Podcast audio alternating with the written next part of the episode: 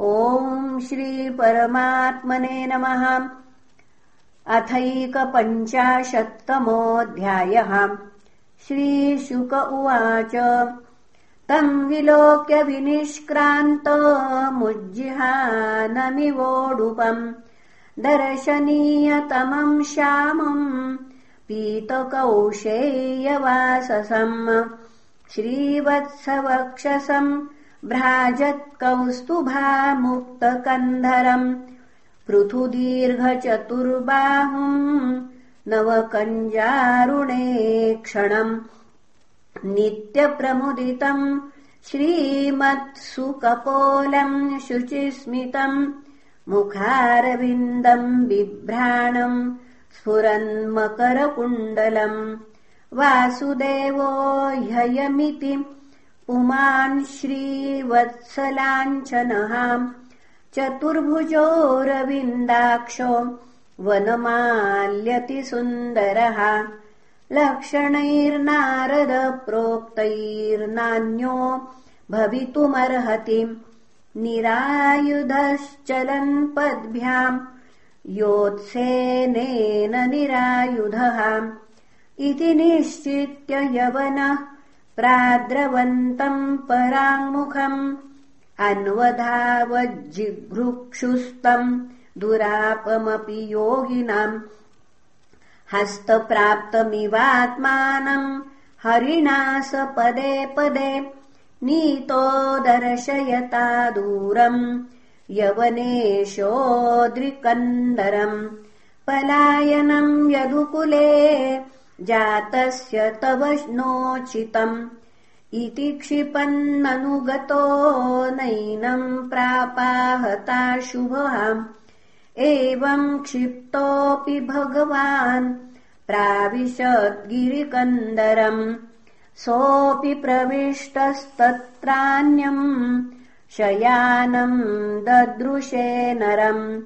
नन्मसौ दूरमानीय शेते मामिव साधुवत्। इति मत्वाच्युतम् मूढस्तम् पदा समताडयत्। स उत्थाय चिरम् सुप्तः शनैरुन्मील्यलोचने। दिशो विलोकयन् पार्श्वे तमद्राक्षीदवस्थितम् स तावत्तस्य रुष्टस्य दृष्टिपातेन भारत। देहजेनाग्निना दग्धो भस्मसादभवत्क्षणात्।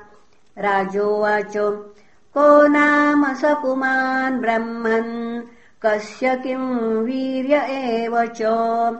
कस्माद्गुहाम् गतः शिष्ये। किम् तेजो यवनार्दनः श्रीशुक उवाच स इक्ष्वाकुकुले जातो मान्धातॄन्तनयो महान्। मुचुकुन्द इति ख्यातो ब्रह्मण्यः सत्यसङ्गरः स याचितः सुरगणैरिन्द्राद्यैरात्मरक्षणे। असुरेभ्यः परित्रस्तैस्तद्रक्षाम्। सोऽकरोच्चिरम् लब्ध्वा गुहन्ते स्वपालम् मुचुकुन्दमथा ब्रुवन्न राजन् विरमताम् कृच्छ्राद भवान्नः परिपालनात्। नरलोके परित्यज्य राज्यम् निहतकण्टकम् अस्मान् पालयतो वीर कामास्ते सर्व उज्झिताः सुतामहिष्यो भवतो ज्ञातयो मात्यमन्त्रिणः। प्रजाश्च तुल्यकालीया नाधुना सन्ति कालिताः। कालो बलीयान् बलिनाम् भगवानीश्वरो व्ययः।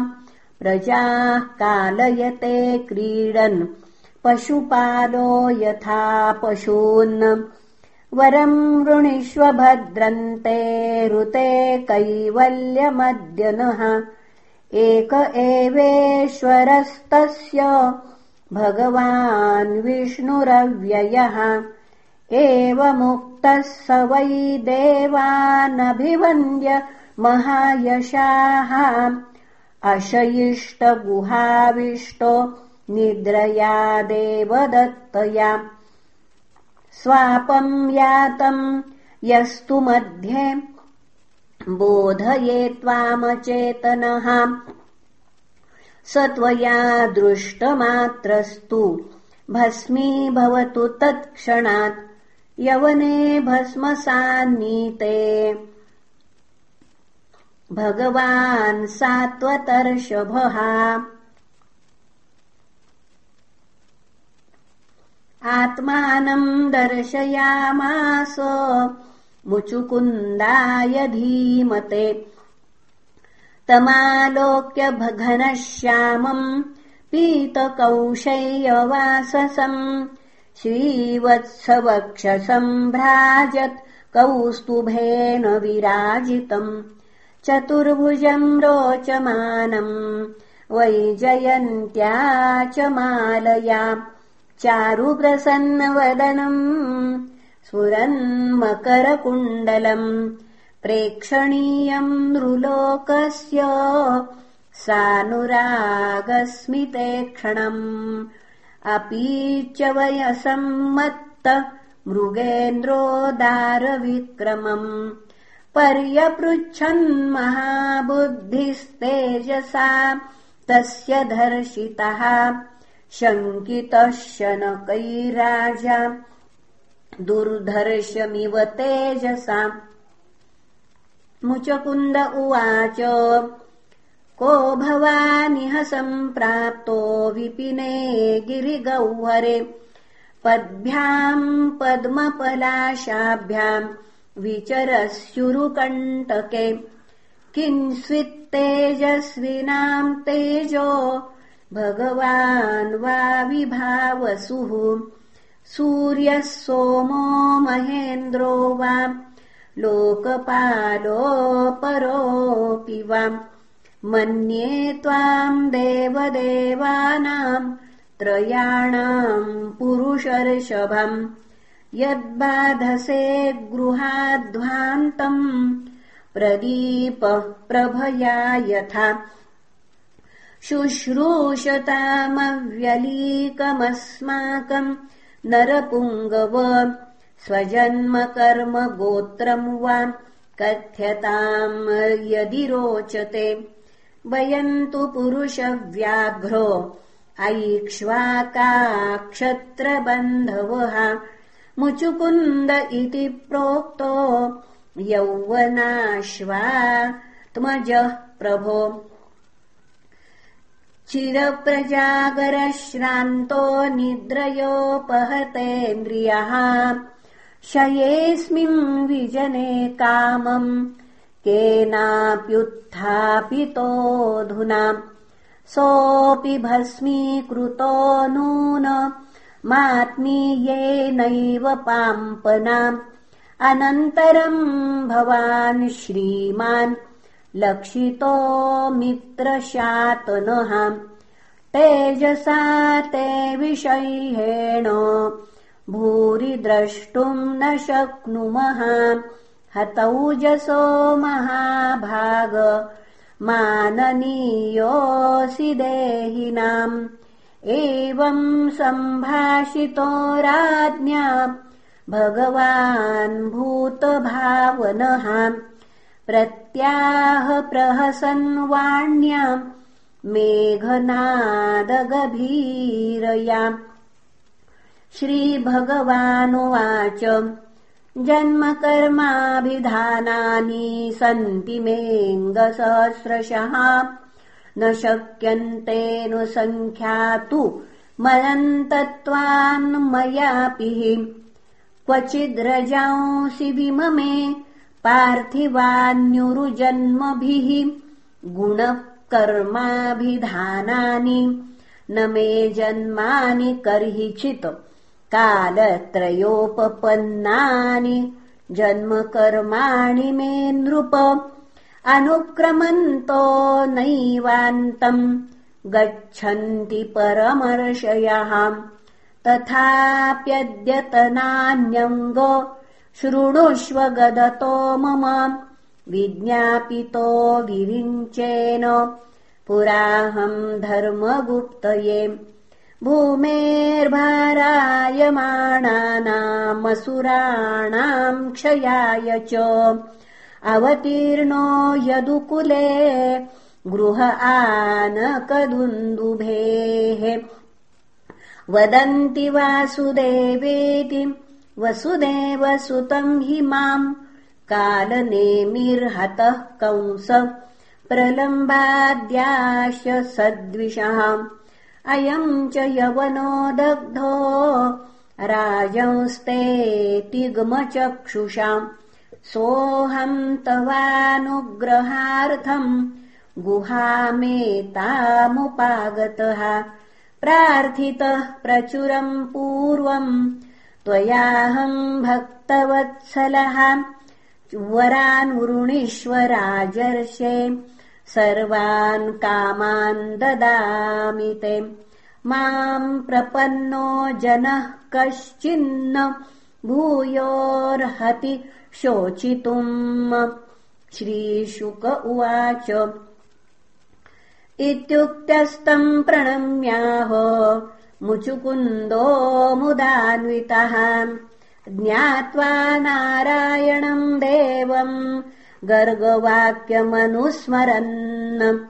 मुचकुन्द उवाच विमोहितोऽयम् जन ईश मायया त्वदीयया त्वाम् न भजत्यनर्थदृक् सुखाय दुःखप्रभवेषु सज्जते गृहेषु योषित् पुरुषश्च वञ्चितः।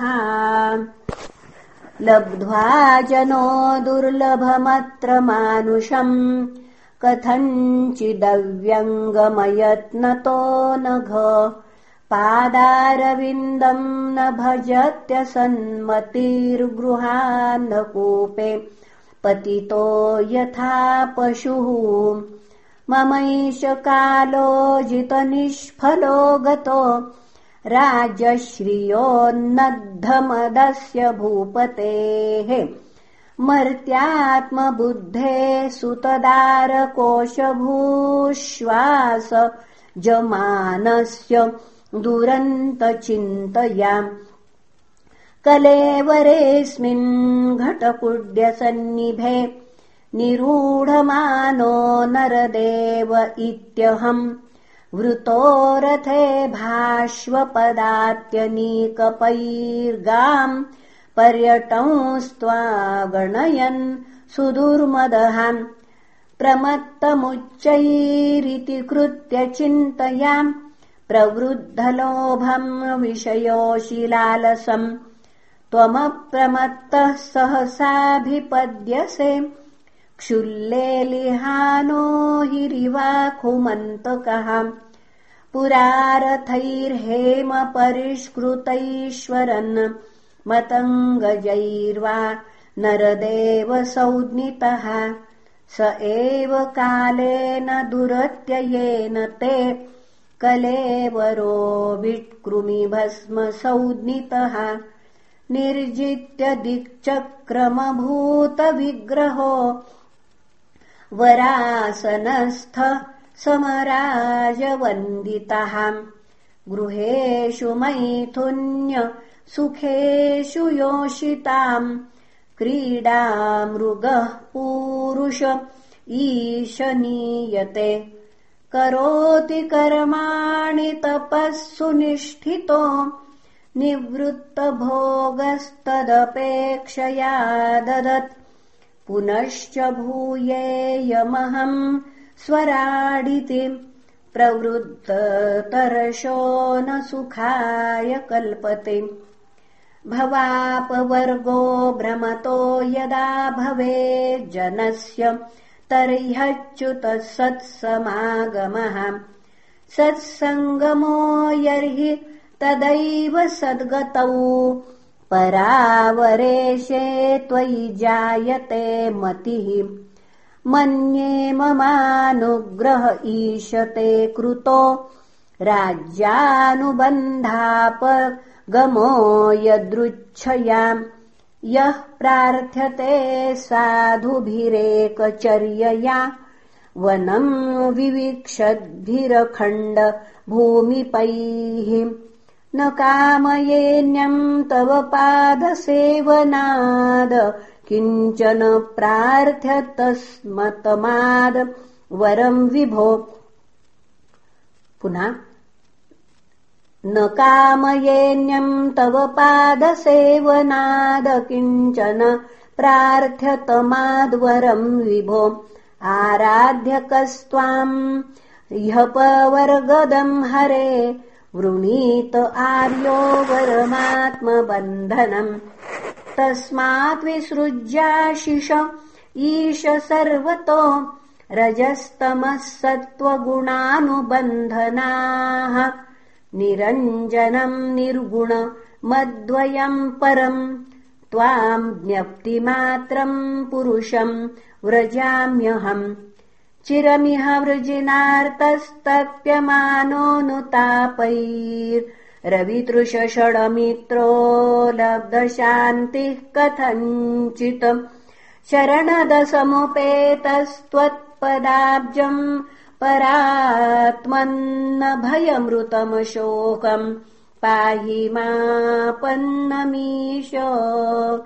श्रीभगवानुवाच सार्वभौम महाराजमतिस्ते विमलोर्जिता वरैः प्रलोभितस्यापि न कामैर्व्यहता यतः प्रलोभितो वरैर्यत्वमप्रमादाय विद्धि तत् न धीर्मय्येकभक्तानामाशिर्भिर्भिद्यते क्वचित्।